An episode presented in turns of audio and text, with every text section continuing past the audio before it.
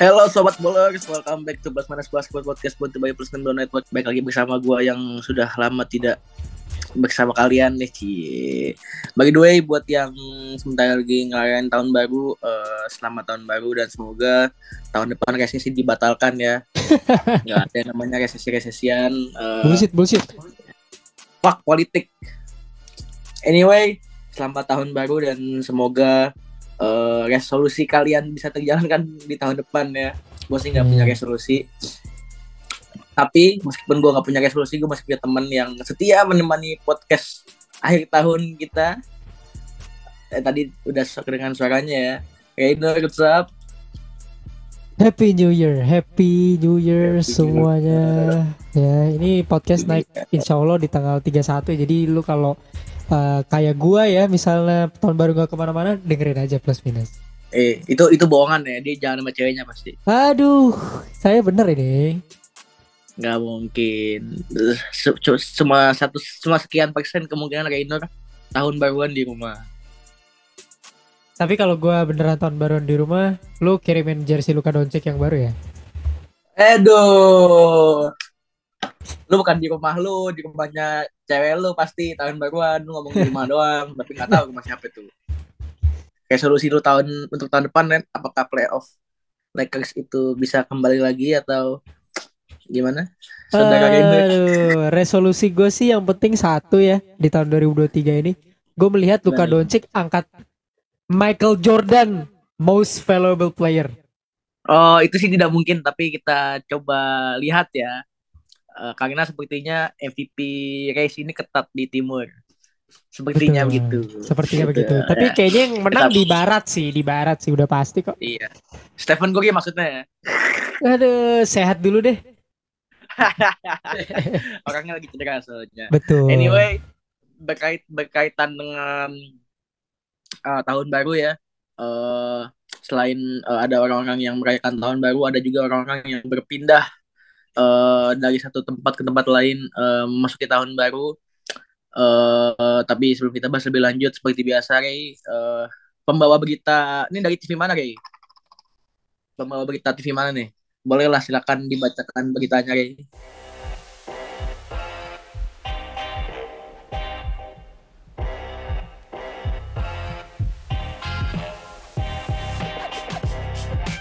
Menarik sekali karena ini berhubungan dengan dunianya Bapak Jibril yaitu Indonesian Basketball League. Uh, ini akan mulai tanggal 14 Januari. Tapi gue nggak mau ngomongin IBL-nya, gue mau ngomongin uh, pemain paling tidak beruntung musim lalu yang gue juga ngomongin sama Jibril yaitu uh, eh, MVP dan DPOY tahun 2021 Jamar Andre Johnson memutuskan untuk berpisah dengan Dewa Nets United ya. Uh, di mana Dewa Nets United itu terms 2022 awal masih dipakai sampai sekarang ya. Eh betul. Karena ini kan ini James Harden yang lagi pindah nih. Tapi Jamar Andre Johnson ini akhirnya berpisah. Uh, gua belum melihat lagi konfirmasi Jamar ya tentang kenapa dia belum. pindah dari Dewa United tapi satu hal yang pasti kita udah bahas di The Local musim lalu juga kalau uh, ini berhubungan dengan regulasi IBL musim lalu ya di mana tentang pemain impor. Yeah uh, kita udah bilang di musim lalu kalau Jamar ini adalah salah satu pemain jika bukan pemain paling dirugikan dari uh, regulasi pemain asing ini. Jadi menitnya benar-benar kepangkas habis.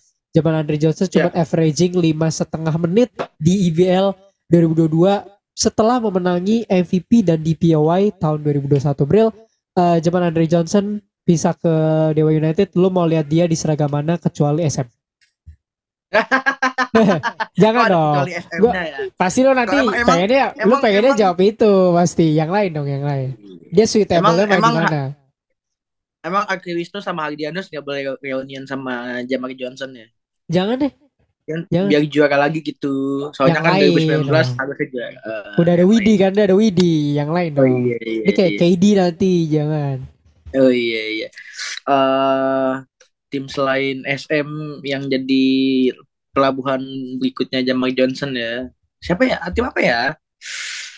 Kalau lihat dari kecocokan sama uh, gue gue sebenarnya kalau misalkan uh, perpindahan tim kayak gini ya, perpindahan pemain kayak gini gue nggak pernah lihat dari kecocokan ataupun uh, komposisi pemain cuma lebih ke gue lebih suka Jamar itu main di mana gitu sekarang sih gue pengennya lihat Jamar main di Jakarta Jakarta udah Surabaya udah pengen lihat Jam- Jamar main di Prawira boleh sih oke sih Oh. Eh, Atau di luar Jawa menarik sih kayaknya dan di luar Jawa ya. Kayaknya menarik. Bali Bali apa Borneo NSH tapi kayaknya sih, tim- NSH sih. oh itu itu tim anda ya curang Coba kemauan ya. gue itu.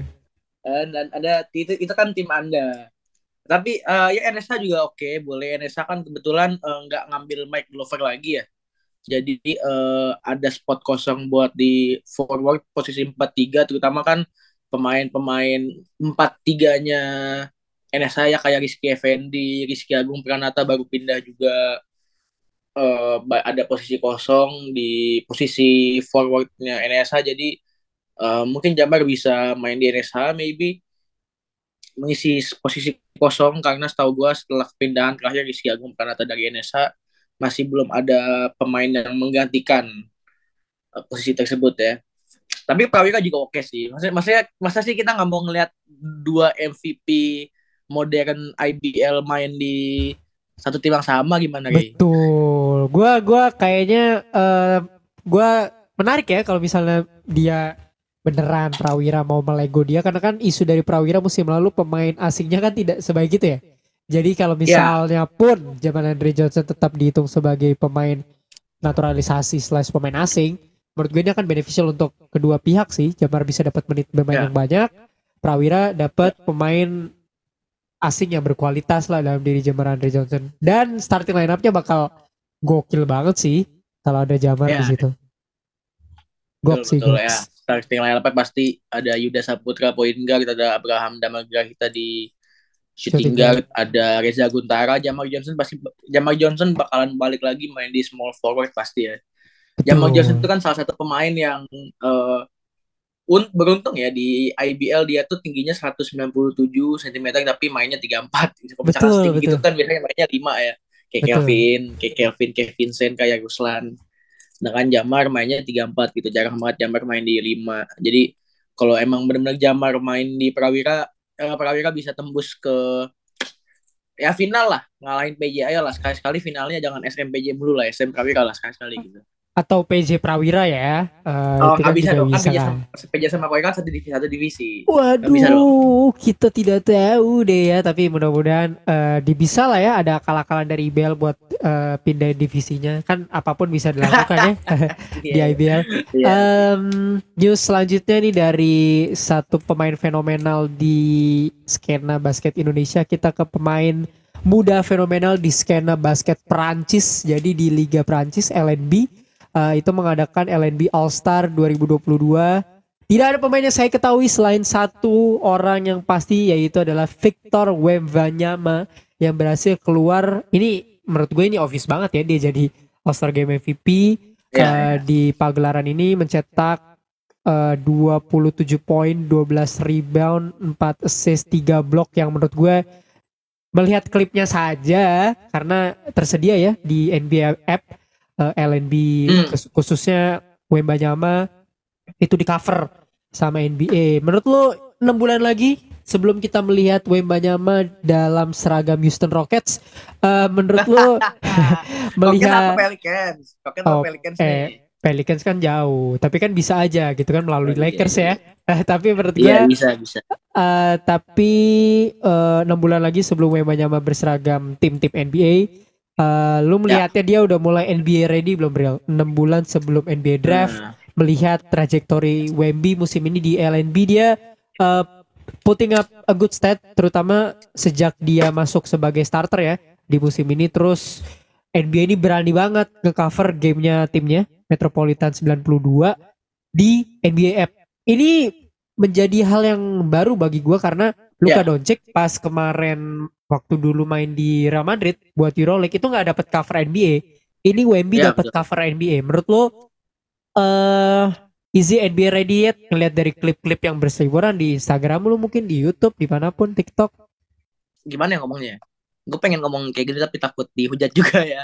Eh sebenarnya gue tuh ngeliat WMB itu secara mental di NBA belum siap ya karena lawan-lawan yang dihadapi di apa LNB tadi ya Liga Prancis itu kualitasnya jauh di bawah NBA udah jelas obviously bahkan pemain-pemain Prancis yang hebat pun ya sebutlah Tony Parker, Rudy Gobert, uh, siapa lagi pemain Prancis yang hebat banget banyak lah. Evan Fournier, semua di Evan Fournier. Evan Fournier. Itu main mainnya semua di NBA dan besar di NBA terkenalnya karena mereka bisa uh, mental mental mereka tuh bisa kuat menghadapi pemain NBA which is orang-orang sana juga gitu loh. Ya kalau zamannya Tony Parker ya ketemu sama tim Duncan, Shaq, uh, Kobe Bryant. Kalau zamannya Rudy Gobert ya sekarang ketemu sama LeBron James, Kevin Durant, AD kalau Evan Fournier ketemunya sama level-level menengah kayak ya Aaron Fox lah pemain-pemain Chris Middleton. menengah lah.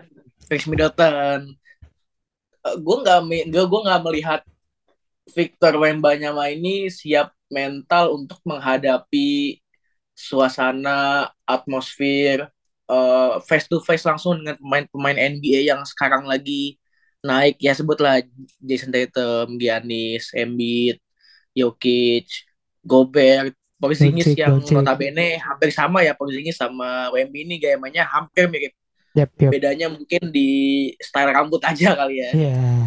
Oke okay, Okay. Uh, gimana ya gue ngomongnya ya orang-orang tuh kayak uh, gue tahu ada ada beberapa pemain NBA yang mempraise uh, Wemby dan mengatakan kalau Wemby ini uh, ya future generation of NBA lah bahkan sebelum dia masuk NBA sudah di cover segala macamnya kayak gitu tapi tapi gue ngeliat uh, dia ini terlalu overrated ya kalau untuk Waduh. pemain yang belum pernah belum pernah mencicipi bermain NBA itu bermain di NBA itu seperti apa gitu. Sama kayak ketika di IBL lah contohnya.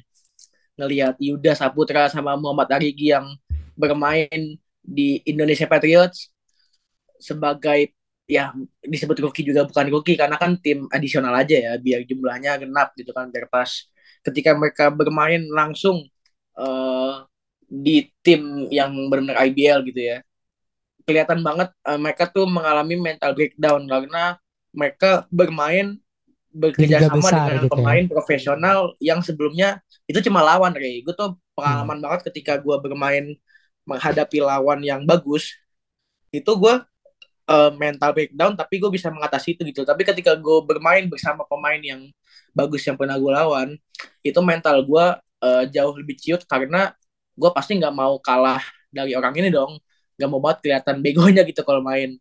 Nggak mau mengecewakan orang yang hebat ini karena kan satu tim ya.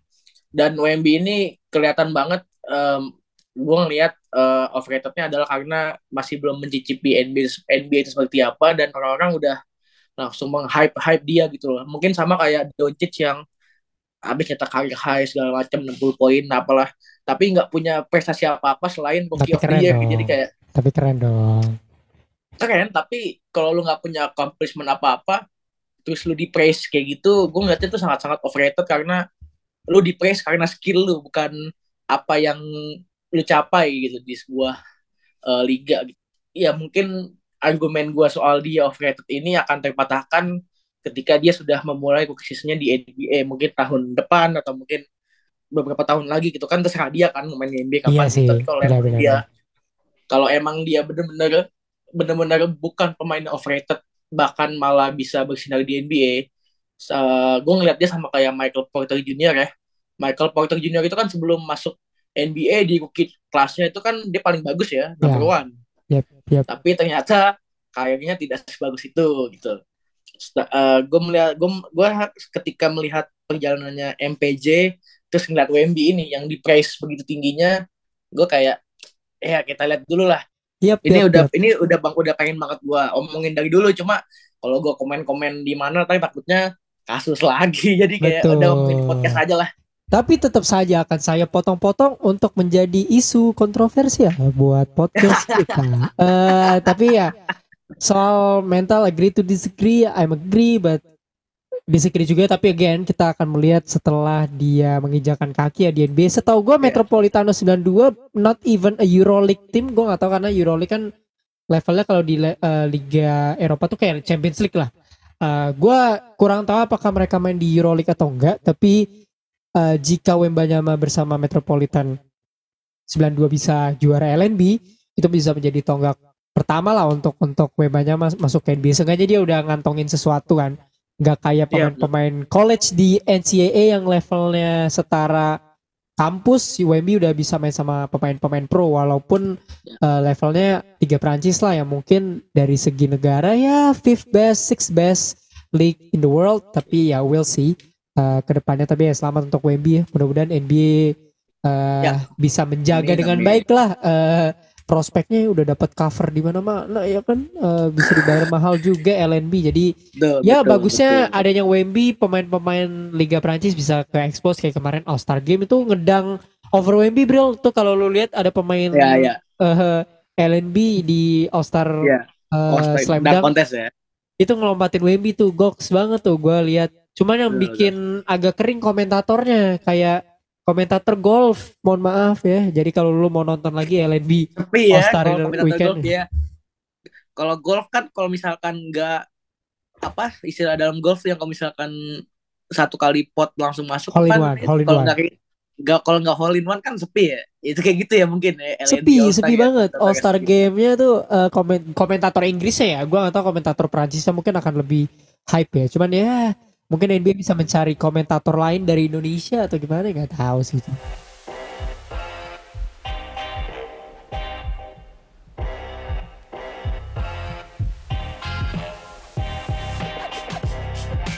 Ini newsnya unik ya. Kita bawain podcast NBA tapi newsnya luar NBA tapi nggak apa-apa. kan basketball podcast basketball podcast basketball podcast ya. Soalnya di NBA juga nggak ada berita menarik selain cedera ada ya. ada nanti kita bahas Oh, nih berita iya, iya, menariknya iya. silakan dong Itu Di- sih dipancing-pancing dong sih, maksudnya segmen nih. Oh, iya, oke oke oke. pancing-pancing Eh, dong tadi Rainer Rainer udah tidak sabar untuk membahas eh, ini pemain yang juga dicip, dibuatkan lagu oleh beberapa pihak eh, dan Lucu banget sih lagunya. lagunya tapi lagunya dibandingin lagu-lagu yang ada Kobe atau D Rose atau LeBron yang lagunya hype gitu kan hip hop rapping eh, pemain ini dibuatkan lagu kayak lagu gereja Ray. betul lagu rohani Iya, karena kebetulan namanya tuh namanya tuh sangat-sangat dipuja oleh masyarakat Kristen ya. Eh Luka Doncic menjadi sorotan akhir tahun eh di saat Christmas ya m- dengan serangkaian penampilan fenomenal 32 poin 9 rebound 9 assist mengalahkan Lakers di Christmas game kemudian 35 poin triple double mengalahkan Rockets ya Dan yang terakhir 60 60 poin 21 rebound 10 assist Wuh, mengalahkan Knicks dalam epic comeback di mana Julius Randle mukanya yang awalnya happy terus tiba-tiba jadi sedih kayak tinggal istri. Eh, ini Natal Natal manis seperti yang gue bilang Haleluka satu-satunya lagu di mana pemain NBA disebutkan tapi lagunya slow gitu mellow. Eh, ini adalah satu buah sejarah untuk Luka ya, kok NBA sih enggak. Sejarah buat Luka aja. buat NBA lah ini ini enam- 60 poin iya, iya. 20 rebound triple double nih satu-satunya in Oke. history man jangan lupa man Oh, oh Will Chamberlain bukannya Oh nggak pernah, nggak pernah. Will Chamberlain Oh, nggak tidak pernah pernah. mencetak 60 oke. poin, 21 rebound, 10 assist nggak pernah Will Chamberlain. James Harden nggak Oke, pernah. Oke. LeBron James Eh, nggak ini pernah. First time nih. Eh, Iya, iya, iya. Ini pertanyaan yang menariknya ya. Apakah Luka Doncic sudah menduduki level MVP lock eh, mengikuti Jason Tatum, Giannis, eh, Jokic, Embiid, ataukah dia masih perlu menaikkan level timnya? Karena sekarang Mavericks lagi cukup jauh ya. Kalau nggak salah margin kemenangannya beda satu ya. Menang men- plus satu ya kalau nggak salah ya plus dua lupa. Eh, ya yang pasti ada di zona playoff lah, nggak kayak tim-tim lain gitu. itu kan itu kan NBA kan selalu begitu ya MVP-nya tuh kadang-kadang yang timnya peringkat bawah gitu kayak Westbrook Betul. di 2017 Betul. MVP tapi timnya bawah itu yang Betul. Soalnya kan triple kayak, double, oh. triple double season. iya sih cuma ayolah Jason Jason Tatum deserve MVP award man he deserve this season MVP award itu mau tapi menurut lu gimana Ray Eh, sebagai seorang Haleluka apakah lu yang tidak merayakan Natal ini ikut merayakan kemanisan seorang Luka Doncic dan apakah dia akan bisa meraih MVP musim ini gimana coba? Wah Gimana ini gue merasakan eh, apa ya damai damai Natal ya menonton Luka Iya, Doncic iya, ya iya, iya. kemarin walaupun gue nggak menonton full gamenya ya eh, karena ketika gue lihat tuh eh, sempat gue agak skeptis terus gue berusaha menonton ya salah satu setengah pertandingan yang sangat luar biasa sih bagi gue ya, terutama di game lawan New York Knicks. Itu yang ngejaga Luka Doncic si Quentin Grimes dia ngomong saya sudah berusaha sebaik mungkin. Kayak dokter-dokter Nah, di dia, dia, Indo- dia tidak Indosiar. berusaha sekuat mungkin. dia udah Dia berusaha tidak- sebaik mungkin. Berusaha maksimal mungkin ya. Sebaik Kayak mungkin dia sudah berusaha. Iya, iya. Bayangkan jika dia Iya, tidak berusaha, mungkin Doncic bisa 81 poin gua gak tahu, tapi eh Tiga- tiga game stretch dalam Christmas game, eh, game lawan Knicks sama ketika kita rekaman lawan Rockets. Ini benar-benar fenomenal banget. Mungkin kalau ditarik bulan ini sama fenomenalnya cuma tiga game ketika kita bahas ini fenomenal banget. Kemarin Christmas big game, gua menyempatkan diri untuk menonton jam 3 jam 2 subuh ya demi Luka lawan pemain favorit gue yang lain juga LeBron James yang ketika kita lagi rekaman lagi ulang tahun.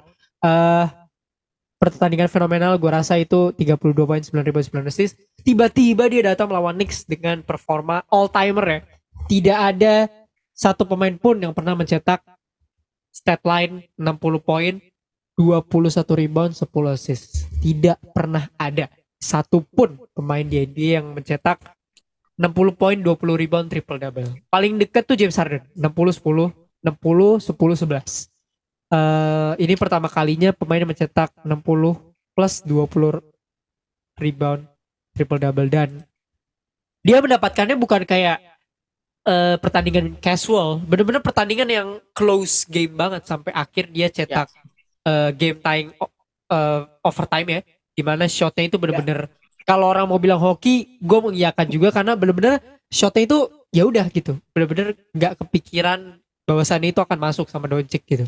Tapi akhirnya itu masuk, dia cetak 54 poin di situ, itu shot career high-nya dia tuh. Shot career high-nya dia di situ dan dia lanjutin lagi cetak eh, 6 poin tambahan untuk wrapping up the night dengan 60 poin, 21 rebound, 10 assist sampai dia bilang I'm tired as hell, I need I need more beer gitu. Dan dia dikasih bir beneran gitu sama sponsor gue lupa nama birnya apa, bener-bener kayak se sekardus ada kali sedus gitu ya bir buat Luka Doncic tapi Iya, he iya, deserve iya, iya. all all the beer he he needed karena dia benar-benar tampil seperti MVP di bulan ini sih. Unusual untuk Luka Doncic di bulan se-early ini dia tampil sedemikian rupa tapi eh benar-benar he still 23 man. He still 23 eh, dia di bawah 25 tahun. Nanti di bulan Maret dia baru umur 24 future still long for him. Dan ini sejarah untuk NBA punya pemain seperti uh, Luka Doncic man. Karena uh, what he did gak cuma di bulan ini tapi throughout of his career benar-benar displaying a very great basketball. Dan ya kita udah bisa bilang dia akan menjadi mungkin future Hall of Famer uh, di masa depan dengan permainannya dia yang seperti ini gitu terutama lawan Knicks dan dia ngeling- ngikutin tren ini dengan triple double lagi ngelawan Houston Rockets. Jadi easy dia on MVP lock level menurut gua jelas karena kalau kita ngelihat peringkat timnya posisi 5 nggak buruk-buruk amat lah eh, untuk Luka Doncic securing his first ever MVP title. Lawan terberatnya ya Jason Tatum sama Nikola Jokic. If we if we looking on statistik sama posisi tim ya. Karena Jokic Ya. posisi satu, Tatum juga posisi satu, itu yang jadi case beratnya untuk Luka tapi ngelihat dia ngelakuin apa yang dia lakuin musim ini ya ya kalaupun Mavs finish posisi 5 ya menurut gue nggak apa-apa lah untuk memberikan Michael Jordan Trophy untuk uh, Luka Doncic di musim ini Iya, iya. amazing man Ah, Oke, tadi bahasan yang cukup cukup panjang tapi tidak sia-sia juga ya untuk eh, pertama kalinya Reinder membrace Luka Doncic di plus minus season kelima. Betul. Ini musim musim ini baru-baru ini nih saya. Musim ini. Ya, soalnya ya, musim ya. lalu gue dipalkorin sama Doncic. Gue kan bilang MVP ya MVP eh Oh, iya, dia kagak iya, MVP iya, MVP iya. ya malah MVP uh, orang Serie B ya. Ternyata ya gue Iya, berharap iya. sih musim ini dia uh, berakhir. Resolusi tahun baru gue adalah melihat Luka Doncic mengangkat Michael Jordan MVP trophy sih. Itu Iya, resolusi iya, iya. gue bulan April lihat ya guys. Bulan April. Oh, Oke, jadi jadi bulan April eh, setelah empat musim kemarin eh, MVP NBA dimenangkan oleh orang luar Amerika. eh, resolusi masih gua masih orang tahun- luar Amerika. resolusi musim resolusi gue musim ini adalah uh, pemain Amerika yang akan memenangkan MVP. Oke, terima kasih, thank you. Lanjut. Oke, berarti kita kita ada ada ini ya. Berarti lu Tatum ya, orang Amerika, Iya, gua iya, orang iya, Eropa nih iya, ah, iya. battle Iya, iya. battle ras ini kita by uh, by Battle one. Rush, ya. ya. Sebenarnya nggak harus melulu 30 points triple double ya, tapi konsisten di level inilah dan kalau bisa Iya, setuju eh, meng- mengutamakan menang juga gitu karena semakin tinggi seed lu di NBA semakin tinggi kemungkinan lu untuk mengatur lu akan melawan siapa di playoff bener ya. Betul, dan akan mempengaruhi case untuk memenangkan MVP lu sih. Karena ini ketika Iya. Doncic Doncic di run ini timnya juga menang kebetulan. Jadi dia Ya, eh, lima game terakhir Mavs 5 game winning streak di saat dia put up the all time eh, game kayak gini sih. Masalahnya ya apakah Doncic akan melakukan ini ketika Mavs melawan tim-tim di atas 500 sih. Eh, I haven't Hmm. seen it yet karena di game-game Rockets, Lakers dan Knicks itu below 500. Jadi eh, ya, ya. ketika melawan tim-tim besar itu Doncic harus proof di situ sih. Terutama pemain-pemain Mavericks juga. Kar- kar- Karena ketika mereka melawan tim below 500, Mavericks eh, menikmati sekali ya game-game itu. Tapi kita lihat Iya, ketika iya. game-game penting lawan Nuggets, Pelicans, Grizzlies, Suns dan tim-tim timur kayak Bucks, Celtics, Nets. Jadi itu harus dibuktikan dulu sih. Itu yang menurut gua Ya. case-nya Doncic agak lower karena sejauh ini dia eh ya mungkin koreksi gua kalau salah buat yang dengerin tapi Doncic lebih banyak memenangkan game-game monster stat lainnya tuh melawan tim below 500. Tapi Ya. we'll see, we'll see ketika dia melawan pemain-pemain yang tim-tim yang besar sih. Tapi man, gila sih. 60-21 crazy. Haleluya. Iya, iya. Jadi tadi adalah segmen khusus yang dipersiapkan oleh Plus Minus untuk Reino dan semoga bermanfaat dan cukup episode ini saja ya. Di episode Betul. selanjutnya semoga tidak ada lagi. Oh, kan. Ya, misalkan, Oh masih masih eh, ada nanti bulan-bulan bulan. April, bulan Februari Iya, ngangkat iya. All Star Game MVP kan juga bisa. Iya, iya. Pas playoff first connection ya. Waduh. Kayak Eh. itu tuh MVP MVP musim lalu tuh yang badut-badut itu. Betul. Kalau kemarin kan Luka Doncic sampai West Final, coy. Iya. Ya enggak ya enggak ya enggak bisa lah ini Iya, mah tapi tapi final. dikalahin dikalahin sama mas-mas biasa ya. Oh nggak apa-apa, yang nggak apa-apa. juara Yang penting dikalahin kali. sama dikalahin sama orang yang lebih jago, nggak apa-apa, nggak apa-apa. Semoga Luka Doncic bisa memberikan Michael Jordan MVP Awards untuk yang pertama Amin, amin. kalinya. ya. Amin. Amin, amin, amin, amin. Haleluya guys. Eh, kalau di barat ada Luka dan Mavs, di timur ada KD dan Brooklyn. Yes, sir. Brooklyn seems fine. Ini mengingatkan gue sama episode episode plus minus season 4 Brooklyn fine fine ya di mana Season 3 coy. eh, season 3. Oke, Iya. gue salah, mohon maaf Gue guys. bawa-bawa sampai sekarang kedatang- biarin aja. Brooklyn eh ini boleh ini timnya. Eh gue sempat melihat Brooklyn ini turun peringkatnya kalau nggak salah peringkat bawah lah pokoknya lah, Iya, menengah ke 78 bawah. sempat tuh. Iya. Eh KD mainnya tidak seperti biasa, Kyrie juga sempat terkena apa ya kasus, gue nggak bisa bilang kasus sih karena lebih dari sekedar kasus ya. Eh masalah yang lebih dari sekedar mencela dunia basket tapi juga eh rasis dan sebenarnya bisa dibilang sebuah perundungan juga ya. Eh karena sebuah tweet yang seharusnya tidak di upload dan disimpan dalam hati saja begitu. Tapi eh, setelah masa itu selesai, Kyrie kembali lagi ke lapangan dan sepertinya sepatu yang Kyrie gunakan sudah bukan lagi berlogo centang ya Kyrie. Betul sekali. Gua nggak tahu tuh Sudah sepatu cuke gak apa gak tahu gua. Sepatu tuh kayaknya kayaknya itu pakai Reebok deh Reebok. Kalau nggak Reebok pakai- boleh bro ya. Atau Ardiles ya, gua nggak tahu deh. Adidas ya ya ya ya. Gue jadi kan sepatu pertama gua tuh Adidas sama Leak dulu waktu zaman SMA main basket. Atau dia Eh, pakai Kyrie- ini sih, eh atau dia pakai sepatunya Abraham Damar sih kata gua. Iya itu yang yang sepatu ya pokoknya itulah sepatunya AD itulah yang Iya, satu-satunya pemain Azza itu. IBL iya satu-satunya pemain Indonesia yang mendapatkan signature shoes ya. Si Kyrie ini mungkin impor langsung dari Indonesia. Selamat terima kasih atas eh Impor. kontribusinya. Iya makanya begitulah.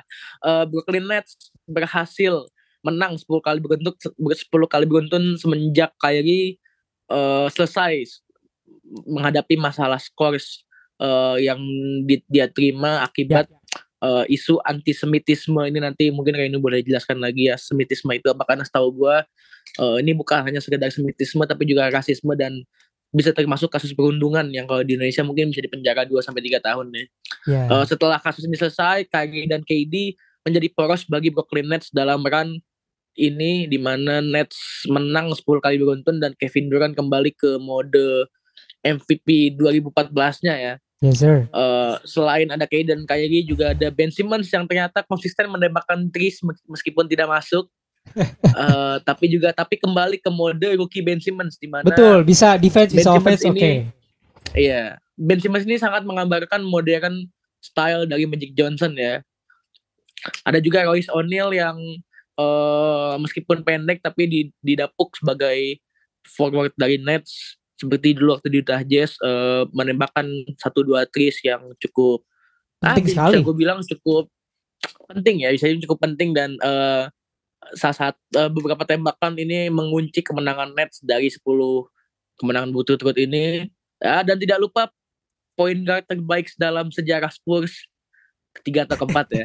Patrick Mills uh, Patrick Mills ini kembali ke mode six man-nya Tony Parker di zaman Spurs dulu waktu uh, mengalahkan hit 4-1 di, di tahun 2014 ya. Patrick Mills uh, seperti yang gue bilang Patrick Mills ini salah satu three point shooter yang sangat-sangat underrated uh, mungkin karena posturnya yang cukup kecil ya jadi uh, banyak orang yang meragukan kemampuan Patty Mills sebagai seorang three point shooter tapi ya terbukti lah Nets ini bisa menang 10 kali beruntun uh, karena kontribusi dari pemain-pemain yang ada di tim Nets serta uh, keputusan yang baik dari Nets untuk memecat head coach Steve iya. Nash.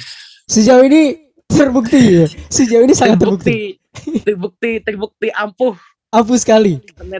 ampuh sekali. Tapi gimana kayak menurut lu uh, rekor terbaik kedua di NBA uh, hanya tertinggal beberapa game dari Celtics yang masih rekor pertama ya. Uh, dan Bucks di peringkat ketiga sedikit menyusul uh, kalau nggak salah antara beda satu atau atau satu setengah games back lah. Menurut lu apakah Nets sudah mulai fixing lagi atau atau masih perlu ada yang diperbaiki? Eh uh, ini yang kita tunggu sih dari dua season lalu sebenarnya ya. Maksudnya iya, ketika iya, kita iya, ngomongin uh, pengumpulan superstar, bahkan sampai musim lalu lah ketika Ben Simmons dikabarkan mau ke sini ditukar sama James Harden. Ini yang kita tunggu dari Nets. Even though kita anti Nets, tapi kita mengharapkan Nets yang seperti ini yang hadir gitu. Dari 10 game kemenangan beruntun, dari 20 game mereka cuma kalah tiga kali. Bayangin. Jadi pemain eh, pemain-pemain yang lo sebutkan plus ini Asian Pride ya. Yuta Watanabe yang menurut gue juga ah, jadi iya, role iya. role kunci banget men buat Brooklyn Nets terutama di crunch time ya. Uh, ketika kita rekaman tuh beberapa hari lalu mereka sempat menang buzzer beater Kyrie Irving. Uh, nuansa terlihat bagus ya dari kacamata kita fans layar kaca nuansa Nets gak banyak drama lagi kayak sebelumnya. Ya. Ben Simmons diem-diem aja Kevin Durant diem-diem aja. Kyrie Irving sejak kasus antisemitism juga gak banyak drama. Jadi this is what we need. Mereka fokus ke basketball aja dan uh, mereka sejak again kasus antisemitismnya Kyrie, Brooklyn Nets justru jarang diomongin sama media. Jadi lu ngeliat um, memperhatikan gak sih patternnya media sekarang justru nggak nggak banyak ke Brooklyn Nets. Jadi kita nggak tahu nih apa yang ya. terjadi kalau lu casual fans, apa yang terjadi di Brooklyn Nets tiba-tiba mereka ada di peringkat kedua gitu without uh, kita melihat hype-nya dan segala macam mereka ada di posisi kedua jadi ya kalau lo menonton Brooklyn Nets they being very uh, apa ya menyenangkan lah dilihat less iso ball seperti sebelum-sebelumnya mereka nomor mereka top 10 di statistik assist setahu gue uh, they playing defense yeah. too Nicholas Claxton udah menjadi rim protector yang baik lah untuk Brooklyn Nets dibandingkan musim-musim sebelumnya. Setahu gue mereka nomor satu di blok setahu gue ketika kita rekaman. Jadi ya banyak hal-hal yang perlu masih perlu ditambah sama Brooklyn Nets. Namun ketika kita rekaman sejauh ini they looking pretty good dengan uh, setahu gue nama pelatihnya Jake Vaughn ya. Uh, sangat-sangat baik. Ya. Gue rasa dia bisa mengendalikan locker room lebih baik dibandingkan Steve Nash. Buktinya ya pemain jadi less drama, mereka tahu apa yang harus dilakuin, decision makingnya jadi oke. Okay. Uh, Yuta Watanabe udah diplot sebagai sebagai apa ya kayak Ray Allen di Miami Heat lah pada zamannya gitu. Bener-bener eh, clocking big shot after big shot gitu. Dia kalau gue nggak salah ya sekali lagi leading on three point percentage ya. Yuta Watanabe ini. Ya, betul. Nanti gue akan lihat lagi statistiknya tapi mereka ini yang kita harapin dari Brooklyn Nets ketika mereka mendapatkan Kevin Durant dan Kyrie Irving dua musim lalu. And they playing good. Eh, yang penting adalah no drama, fokus on basketball. Mereka akan menjadi tim yang menakutkan. Kita lihat dari game-game mereka ngebantai Warriors kalau gue nggak salah tuh. Sorry ya gue menggunakan kata yang agak repetitif tapi eh oh iya, Iya, iya, mereka ngalahin Warriors by 30 points. Ya walaupun tidak Ya, ada pemain-pemain utamanya ya, tapi they beating the Warriors by 30 points. Mereka juga mengalahkan Wizard yang solid games juga eh, mereka melakukan itu. Eh, mereka cuman kalah lawan Celt ya, Celtics. Mereka kalah Hmm, lawan Celtics yang notabene emang tim terbaik lah dibandingkan mereka, tapi sisanya mereka menang eh lawan Bucks. Mereka juga menang by 18 points. Ya, mereka memenangi game-game yang penting lah, terutama melawan tim-tim di Eastern ya. Kebanyakan yang mereka kalahin semuanya tim di Eastern. Semuanya. 10 game, 20 game bahkan mereka eh, cuman ketemu tim West dua kali lawan Portland sama siapa gitu gue lupa. Tapi rata-rata mereka ngelawan tim West eh tim di East jadi sepertinya mereka will be fine ketika ketemu tim-tim East ke depannya sampai bahkan di playoff. Karena 10 game mereka ngeratain East, Bril. Gila loh. 10 game ngeratain East Ya. turn conference. Tapi mereka belum ketemu tim dengan defense terbaik di timur ya, yaitu Miami Heat. Jadi kayak ya kita lihat lah. Tapi uh, Brooklyn Nets so far this is what we needed dari dua musim lalu. Gokil sih. Oh ya, itu dia tadi adalah salah satu gambaran menarik eh Nets ini salah satu tim yang mencolok di akhir di beberapa minggu terakhir ya dari Yoi. sebelum Natal mungkin sebelum Natal eh Nets eh, Bulan Desember inilah bulan- mereka goks banget sih. Iya bulan Desember. Goks parah sih. Sebenarnya Celtics juga oke, tapi eh, terlalu monoton lah ya menang-menang udah biasa. Sedangkan Nets ini 10 kemenangan beruntun dan eh, comebacknya Nets lah setelah beberapa waktu lalu mengalami isu yang cukup dramatis. Soalnya sekarang isu dramatisnya pindahnya ke Warriors nih. Betul. untuk ke Grand Pool, ya ya. Terus Betul. terakhir ada ada battle di Orlando ya. Oh iya tuh, tonjok-tonjokan background. ya. Kylian Hayes Iya, sama iya. Franz Wagner kalau gue salah itu hebat. Ya. Cuman eh, back to Brooklyn menurut gue yang harus disalut ya again coaching staff sih. Eh, mereka bisa bikin Nets jadi sekondusif ini ya bukan tanpa bukan hal yang mudah gitu pasti melalui jalan yang keras. KD sama Kyrie bisa putting up numbers kayak gini berarti mereka udah fokus on basketball. Mereka kalau gue nggak salah sempat dalam satu pertandingan gue lupa lawan siapa. They both score 30 plus point. Ini ini yang kita harapin man dari Kyrie Irving dan Kevin Durant playing alongside each other bisa mereka kan berdua offensive power ya kita tahu itu jadi ya mereka udah punya ya mereka jelas sudah punya offensive power. Dan mereka juga udah punya pemain-pemain yang handle di defense. Royce O'Neal Ben Simmons this is what they need. Mereka gua rasa ceilingnya jauh mereka punya pemain-pemain yang mereka butuhin ya. Bukan cuma mereka ambil karena nama besar doang. Mereka butuhin offense punya defense punya pemain di clutch punya three point deadly deadly three pointer juga punya rim protector sekarang Nicholas Claxton sudah tampil lebih baik dibandingkan musim lalu. Sih jadi benci ngomong ini tapi Nets seems fine.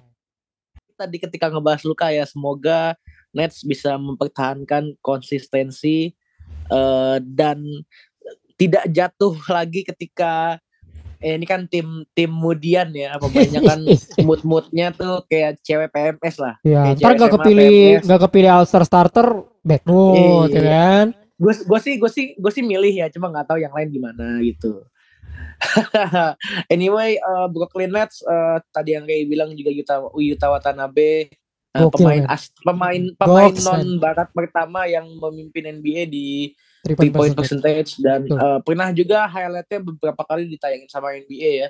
Uh, Yuta Watanabe yang Yuta Watanabe itu sempat kena monster dunk-nya Anthony Edwards. Sama Jordan Clarkson dua sama kali Jordan Clarkson dua dia kali, tobat tapi- ya ah sepertinya saya Tobat, tidak mau defense di dalam perimeter ya. Saya jadi shooter Iya, aja. iya. biar nggak diidang orang malu-maluin ya kan Tapi gok sih, gok sih Yuta. Gok. Carot Yuta. Ya Yuta Watanabe, Matt Props untuk Nets. Uh, sebenarnya nggak banyak juga di NBA yang terjadi ya. Paling uh, selain buat fans dan juga Alexio Alexio di seluruh dunia. Uh, Warriors uh, abis juara mulai turun. Clippers, Kawhi masih belum jelas. Uh, Paul George Walaupun ya oke Paul sih, George mereka juga- mereka main oke Oke, ya. sih, cuman kayak kagak konsisten-konsisten amat gitu. Iya, ya.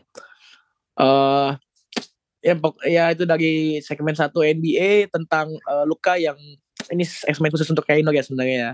Eh, Luka yang eh mencetak beberapa MVP performance dan semoga bisa konsisten. Nets yang comeback setelah kasus yang sebenarnya cukup gempar juga ya. Semoga kedua tim ini dan pemain-pemainnya bisa konsisten dan ya hopefully bisa ketemu di finals kayaknya seru sih ya. Waduh, waduh, waduh. Iya, karena itu yang paling penting ya akhir dari perjalanan Ya, setuju sebuah tim dan pemain-pemain di NBA itu bukan MVP tapi NBA Finals.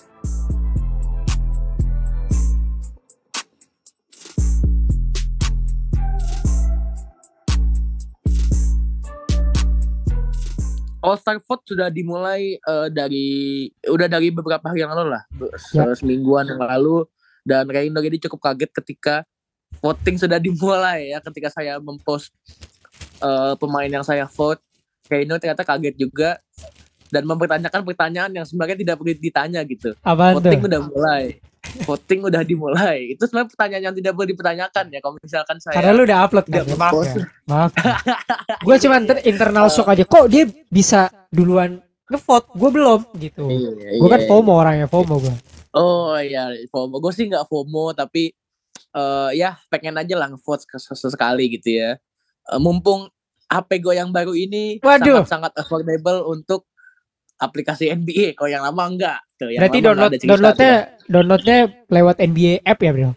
Tapi kan saya tidak premium, jadi eh seadanya aja lah ya. Tapi bisa Eh, kan eh. kalau misalnya NBA app orang belum berbayar tapi ngevote bisa kan gratis untuk semuanya. Bisa, kan? bisa gratis ya. Nah, saya kan juga ada nge-vote nih. Iya, NBA All Star 2023 vote. Seperti biasa di akhir tahun eh, NBA membuka voting untuk pemilu. Oh bukan, untuk NBA All Star ya. Eh, lima pemain dari setiap conference eh, dan seperti biasa eh, eh, pemain yang terpilih di All Star berdasarkan vote hanyalah starter ya. Selebihnya itu coaching vote dan staff eh coaching aja ya. Coaching eh coach votes aja ya. Eh sela- pemain nggak bisa Eh memilih iya, ya. gue coaching staff sama beberapa persen eh, dari media, if I'm not mistaken, tapi yang pasti orang-orang yang eligible aja sih untuk milih reserve. reserve ya cadangan ya. Eh, dan seperti dan seperti semenjak NBA All Star 2018, NBA musim ini akan diadakan berdasarkan tim dari dua pemain dengan vote terbanyak di West dan juga di East ya. Seperti yang kita tahu guys sebelum kita mulai eh, menyebutkan siapa saja pemain yang kita pilih dan Yap. eh, All Star tahun ini akan bagaimana. LeBron James kan udah menang lima kali berturut-turut nih ya di All Star dan namanya tim LeBron bukan tim bukan tim dia saja jadi kayak dia tuh eligible sebagai eh, pemain dengan All Star history terbaik di NBA gitu ya bisa kita katakan seperti itulah Mhm. Eh, tapi kan ini kan Lakers lagi sangat-sangat hancur ya kalau musim lalu kita masih bisa terima oke lah dia leading vote getter untuk eh keenam kalinya bersama berturut-turut dari tahun 2017 gitu. Tapi kalau sekarang ah ya Lakers sudah begini begitu. Eh tapi eh West All Star ini juga forwardnya juga ya begitu gitu. Jadi kayak sedih gitu loh gue ngelihat All Star West tahun ini gitu loh. Kita kita dulu sangat-sangat membanggakan West sebagai conference terbaik di NBA gitu. Iya, salam Tapi semesta coy. itu- salam semesta gitu ya tapi ternyata sekarang justru perebutan All Star itu sangat sengit di East gitu sampai-sampai gue bingung ini East milih siapa ya gue pengen milih empat forward tapi kan nggak mungkin kan Nggak mungkin, gua milih betul. empat forward terbaik itu nggak bisa gitu loh. bisa. harus ada satu yang dicadangkan gitu ya tapi Betul. nanti kita bahas lebih lanjut Eh, menurut lo kayak ini buat opening aja ya apakah ada kemungkinan LeBron James akan memimpin kembali eh, vote gather untuk West atau mungkin untuk NBA juga keseluruhan dan akan memimpin eh, tim LeBron untuk keenam kalinya berturut-turut semenjak NBA All Star ini dibuat menjadi sistem tim dari 2018 atau mungkin ada kemungkinan pemain West lainnya yang naik gitu tiba-tiba kayak loh ini kan pemain vote-nya tiba-tiba lebih tinggi dari LeBron James gitu. Menurut lo gimana, Ki? Oke, okay, uh, selain LeBron James menurut gue pemain di West yang paling menjual itu Steph udah pasti. Ya. Jamoran sama Luka Doncic. Ya. Dua nama terakhir ya, ya. tuh masih fan basis fannya masih belum sebesar itu.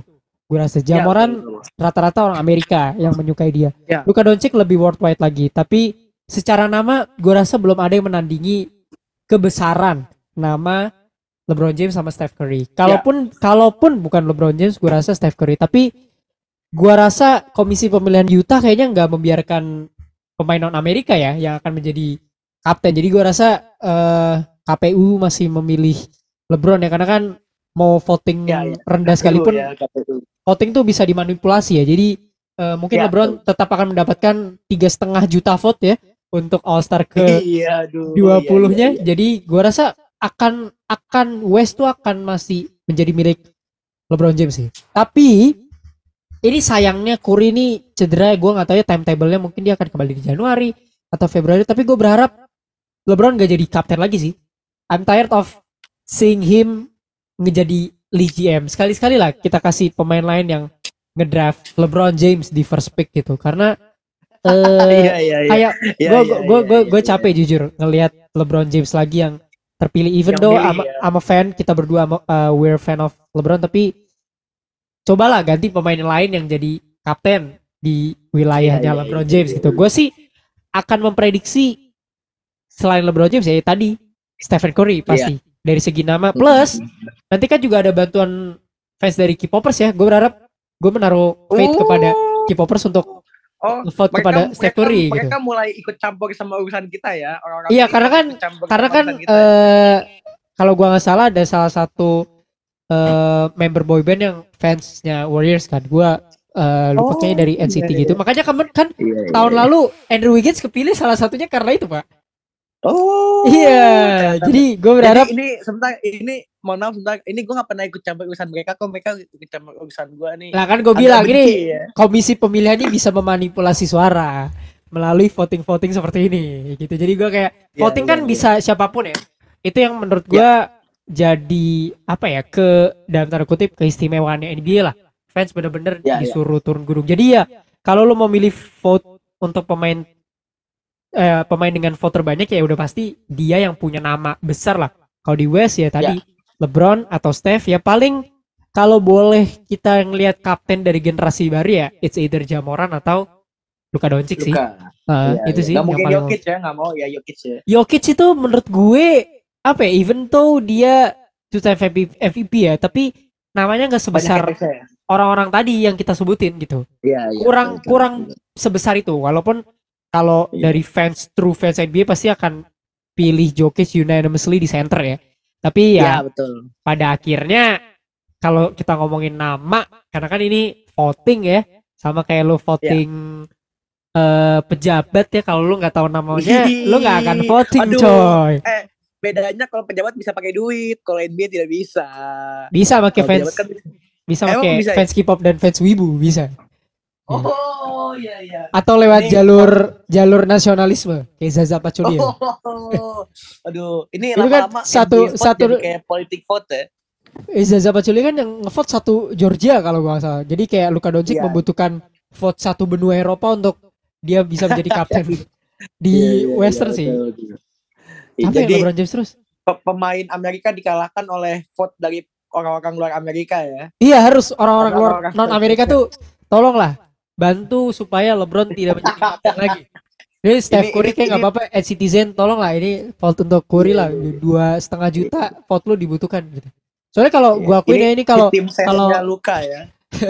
kalau ngomongin tentang voting emang fans K-pop tuh nggak ada obat ya. Jadi kalau emang lu pengen lihat yeah. pemain selain LeBron buat milih buat milih ngedraft pemainnya yeah. itu either Steph Curry atau Luka sih. Gue sebagai tim sesnya Luka, ayolah kita orang Eropa. Lu udah yeah, okay. lu udah dikalahin di uh, Piala Dunia, lu lawan di NBA ya.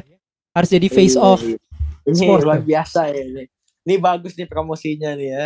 Iya. Ayo, uh, vote for Luka, vote for Luka.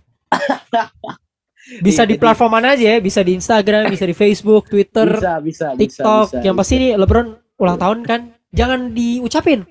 Karena nanti kalau lu ucapin masuk ke vote Masuk, masuk. Star gitu kan. Yang penting kan termasuk, termasuk hashtag. vote juga ya Termasuk vote. Nanti Iya, lu iya. Happy Birthday King, hashtag NBA All Star. Nah itu masuk satu ya kan. Iya. Jangan, jangan, jangan diucapin. Ucapin, tuh- Ji- ucapin Jibril nanti tanggal berapa Bril lu? 16 ya?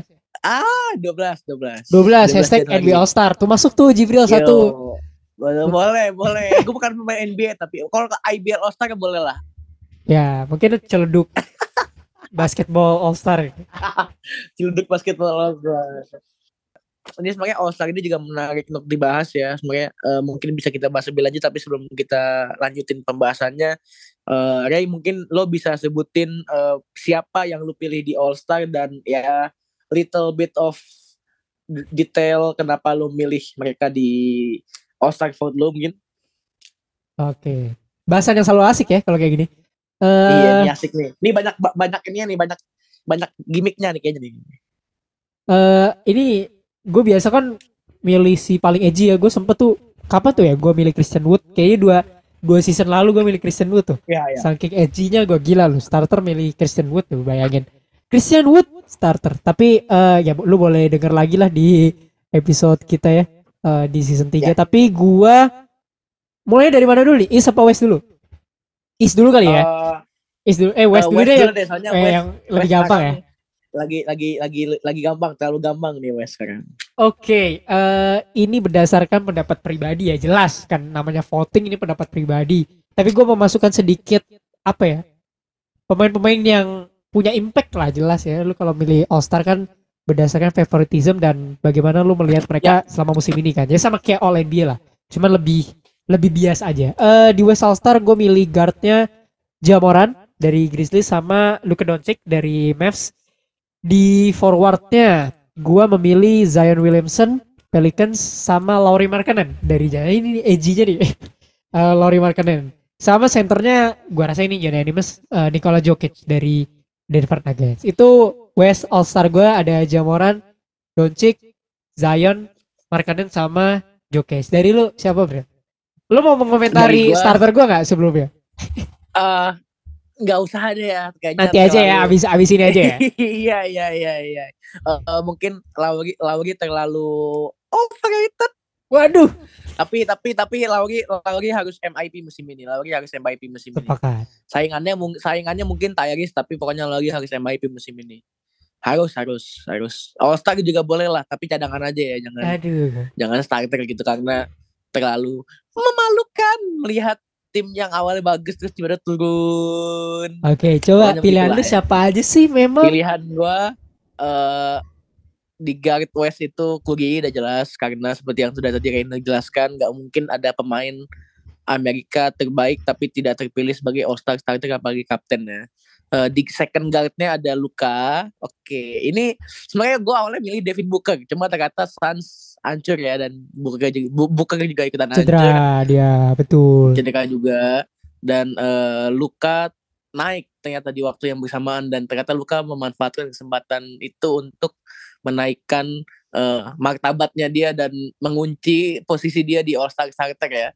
Kalau buat forwardnya centernya gua Jokic, small forwardnya LeBron James obviously. Kalau untuk power forward gua masih rancu antara AD sama Zion tapi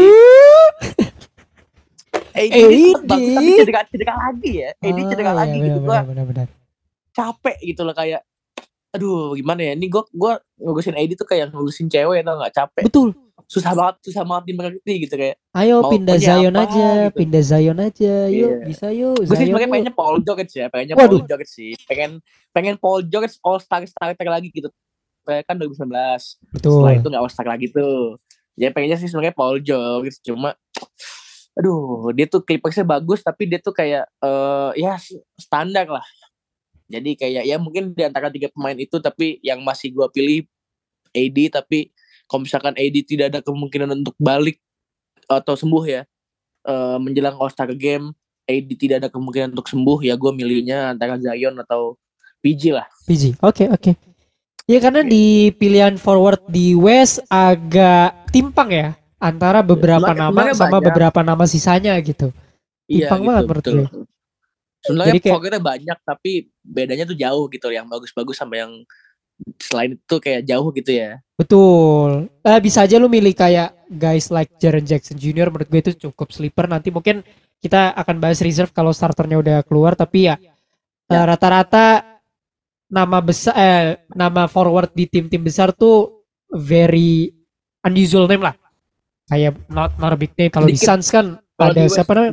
Michael Bridges. Gak mungkin kan lu milih Ya. Michael Bridges ya kan? nggak mungkin. kayak- Aitan juga nggak mungkin. Enggak, betul sekali. Gak mungkin gitu kan. Nggak mungkin milih Dorian Finney-Smith sama Betul. Dwight Powell dari Mavs ya. Betul. Atau Jadi kalau- milih tim Hardaway Junior. Nggak mungkin. Nggak. Ya. Oh nggak mungkin. Christian Hardaway Wood, terlalu ya. kecil.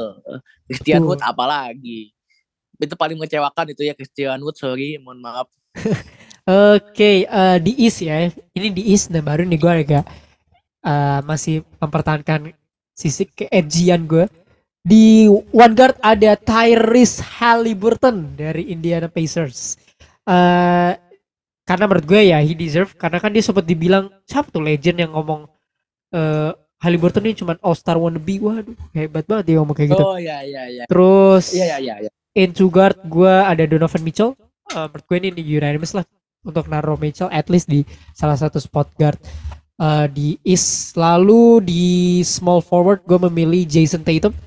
Eh, obvious pick juga. Giannis Antetokounmpo obvious pick juga. Joel Embiid obvious pick juga. Jadi eh, di East nih agak kesulitan gue di guard sih sebenarnya. Tapi gue memilih itu Hmm. Halliburton dan Mitchell. Dari lu gimana Ini kalau kayak ini kesulitan di guard, kalau gua kesulitan memilih siapa pemain yang mau gue masukin All Star ya karena ada banyak pilihan ya ternyata ya. Di guard sendiri tadi yang Reino bilang ada Tyrese Halliburton sama Donovan Mitchell. Kalau gua milihnya Kyrie Irving dan Donovan Mitchell karena uh, Kyrie mulai balik lagi dan Yoi. uh, sudah mulai lepas dari isu-isu kayak gitu ya. Dan mungkin semoga Kyrie sadar kalau isu itu sudah nggak penting. Jadi kalau emang mau tenar jangan bikin isu gitu, jangan Betul. bikin konten kak, jangan bikin konten kayak kamu nanya, kamu nanya itu nggak penting itu konten-konten gitu sih. aneh gitu nggak. Itu cuma bertahan selama gua jamin kayak gitu masalah kayak gitu cuma bertahan nggak lebih dari satu bulan. Jadi kalau emang lu mau terkenal, mau sukses, mau punya kehidupan mewah yang jangka panjang, kerja keras, kerja yang benar lah. Dan, dan Kyrie udah mulai menunjukkan hal itu di 10 kemenangan beruntunnya Nets yang tadi udah kita bahas ya. Eh gue milih Kyrie dan Donovan Mitchell. Sekali lagi Donovan Mitchell mungkin juga salah satu kandidat MIP yang oke kuat karena pindah tim dan eh, kan kasusnya pemain NBA selain jadi MIP kemudian pindah tim jadi turun ada juga pemain NBA yang pindah tim justru naik dan jadi kandidat kandidat MIP ya salah satunya ada Donovan Mitchell. betul Kalau di forward gue milih ini forward yang sangat-sangat ketat ya. Karena ada empat pemain yang sebenarnya berhak untuk all star starter di forward tapi cuma tiga yang boleh masuk. betul Kalau tadi kan Reino nyebutin Jason Tatum, Kevin Durant sama Gian, eh, Jason Tatum, Giannis sama Embiid Giannis ya. dan Joel Embiid betul Kalau gua Kevin Durant, Giannis dan Embiid. Kenapa? Simpelnya karena eh, kalau gua milih Jason Tatum, maka otomatis yang bakalan jadi kapten di East Giannis lagi. betul Tapi gue pengen Kevin Durant kapten lagi karena gue pengen banget LeBron James sama Kevin Durant battle lagi di All Star gitu tiga kali lah. Aduh, Tiga kali timpang. Kevin Durant gak bisa ngedraft pemain. Timpang. Iya, tapi, tapi tapi sekarang East bagus-bagus nih, East bagus-bagus jadi mungkin Kevin Durant ada sedikit eh, kemungkinan untuk bisa menyamaratakan pemain karena kan eh, meskipun kalah pick kalah kalah vote lah mis- misalkan kalah vote eh, jadi second pick tapi dia masih ada masih ada kemungkinan milih pemain yang bisa mengcoveri pemain yang gagal dia pilih gitu kan. Gak kayak musim-musim lalu tuh hancur gitu. Kalau musim ini mungkin Kevin Durant bisa punya kemungkinan milih pemain yang bagus gitu. Tapi ya mungkin antara Kevin Durant sama Giannis lah. Kalau misalkan emang Jason Tatum yang masuk starter eh Giannis yang jadi kapten. Cuma agak sedih juga ya kalau ngeliat Kevin Durant di All Star Reserve ya kayak eh, kalau misalkan pemain-pemain lain kayak Kyrie yang pernah All Star Reserve eh siapa lagi yang pernah reserve Russell Westbrook James Harden. James Harden kalau ngeliat Kevin Durant yang All Reserve kayak sedih aja gitu kayak lu udah udah seturun ini gitu. Maksudnya udah se jatuh ini gitu sampai jadi All jadi All Reserve gitu. Curry sama LeBron Curry sama Curry sama LeBron aja nggak pernah jadi reserve di All gitu. Kok lu bisa jadi reserve di All kayak sedih aja sih. Tapi ya eh, gimana nantinya aja sih ya karena ternyata uh, tadi yang kayak yang tadi gue bilang ya guard sama forwardnya di East ini vote All Star-nya itu uh, kenceng banget di empat pemain gitu. Kalau di guard ada selain ada Kyrie, Donovan Mitchell, ada Darius, ada Trey Young juga. Uh, beberapa gue lihat Trey Young juga vote-nya kenceng juga ya. Uh, sedangkan di forward ada Jason Tatum, Kevin Durant, Giannis sama Embiid. Jadi kayak sekarang All Star East ini kenceng banget gitu. Mungkin efek-efek ditinggalin sama LeBron juga sih ya. Jadi betul. Uh, East ini East ini mulai naik lagi gitu karena nggak ada lagi pemain yang mendominasi sedangkan yang lain hancur gitu. Kalau ini sekarang uh, sama-sama bersaing ketat lah ya. Makanya gue excited banget ngelihat siapa yang bakalan kepilih di All Star Forward-nya East nih kayaknya seru ya. Yep, yep, yep. Ya, we'll see sih. Uh, gue gak tahu kayak pengumumannya di akhir Januari ini dan first returnnya ini di awal tahun ini. Jadi kita lihat ya untuk pemegang angka terbanyak ini siapa dulu. Tapi di tim gue tidak ada LeBron dan KD, jadi tidak ada Curry juga. Jadi di tim gue tuh gue akan expect melihat kapten dari generasi baru. Kalau di East ya, ya mungkin ya. Giannis Antetokounmpo di Barat ya Luka Doncic atau Jamoran kayak tadi gue bilang. Gue sih berharapnya melihat kapten generasi baru ya karena jujur gue ya, sih ya. pengennya melihat wajah-wajah baru yang ngedraft pemain-pemain ya, yang ya, mungkin ya. senior ya lu bayangin kayak ya, ya. Bisa, Luka dapat draft pertama ya atau Giannis dapat first pick dan dia milih LeBron, Luka milih ini jadi kayak uh, menurut gue akan memberikan bumbu-bumbu atau sih gue berharap kaptennya satu Amerika satu Eropa ya jadi kita bisa melihat kebiasaan kalau gimana Amerika versus the world gitu sih Gue oh, aduh. Asik kalau Eropa dua-duanya kayaknya sih gue juga sih. Kalau kan Amerika dua-duanya udah, Amerika Eropa udah, tinggal Eropa dua-duanya yang belum. Eh, uh, gue ragu ya komisi pemilihan Utah akan menyetujui hal itu ya, karena mereka seperti tidak ingin kapten All Star itu adalah pemain non Amerika. Jadi gue sih agak skeptis sih. Cuman ya, uh, itu sih ya dari voting All Star kita, lo yang dengerin boleh mention kita ya di at podcast plus ya. minus di Instagram. Siapa sih pilihan-pilihan All Star lu gitu? Apakah lu setuju sama pendapatnya Jibril? Atau lu juga pengen melihat kapten-kapten dari generasi terbaru? Mention kita aja di at podcast plus minus mungkin itu aja ya Jibril kita tutup ya. dengan thank you udah dengerin plus minus di tahun 2022 ini. Ya buat lo yang udah ya. nemenin kita di season keempat dan season kelima beserta segmen spe segmen spesial lainnya Semoga we still going hard di tahun 2023. Uh, eh, kasih juga resolusi lu sebagai penggemar ya di tahun 2023 nanti apa sih yang pengen lu lihat dari tim lu di tahun 2023. So, gue Refrainer dan LeBron Jibril. Sampai ketemu lagi di tahun 2023 di episode ke-6 dan di The Locals episode pertama tahun 2023. See you guys in the next episode. Stay healthy. Happy New Year. Cheers. Cheers.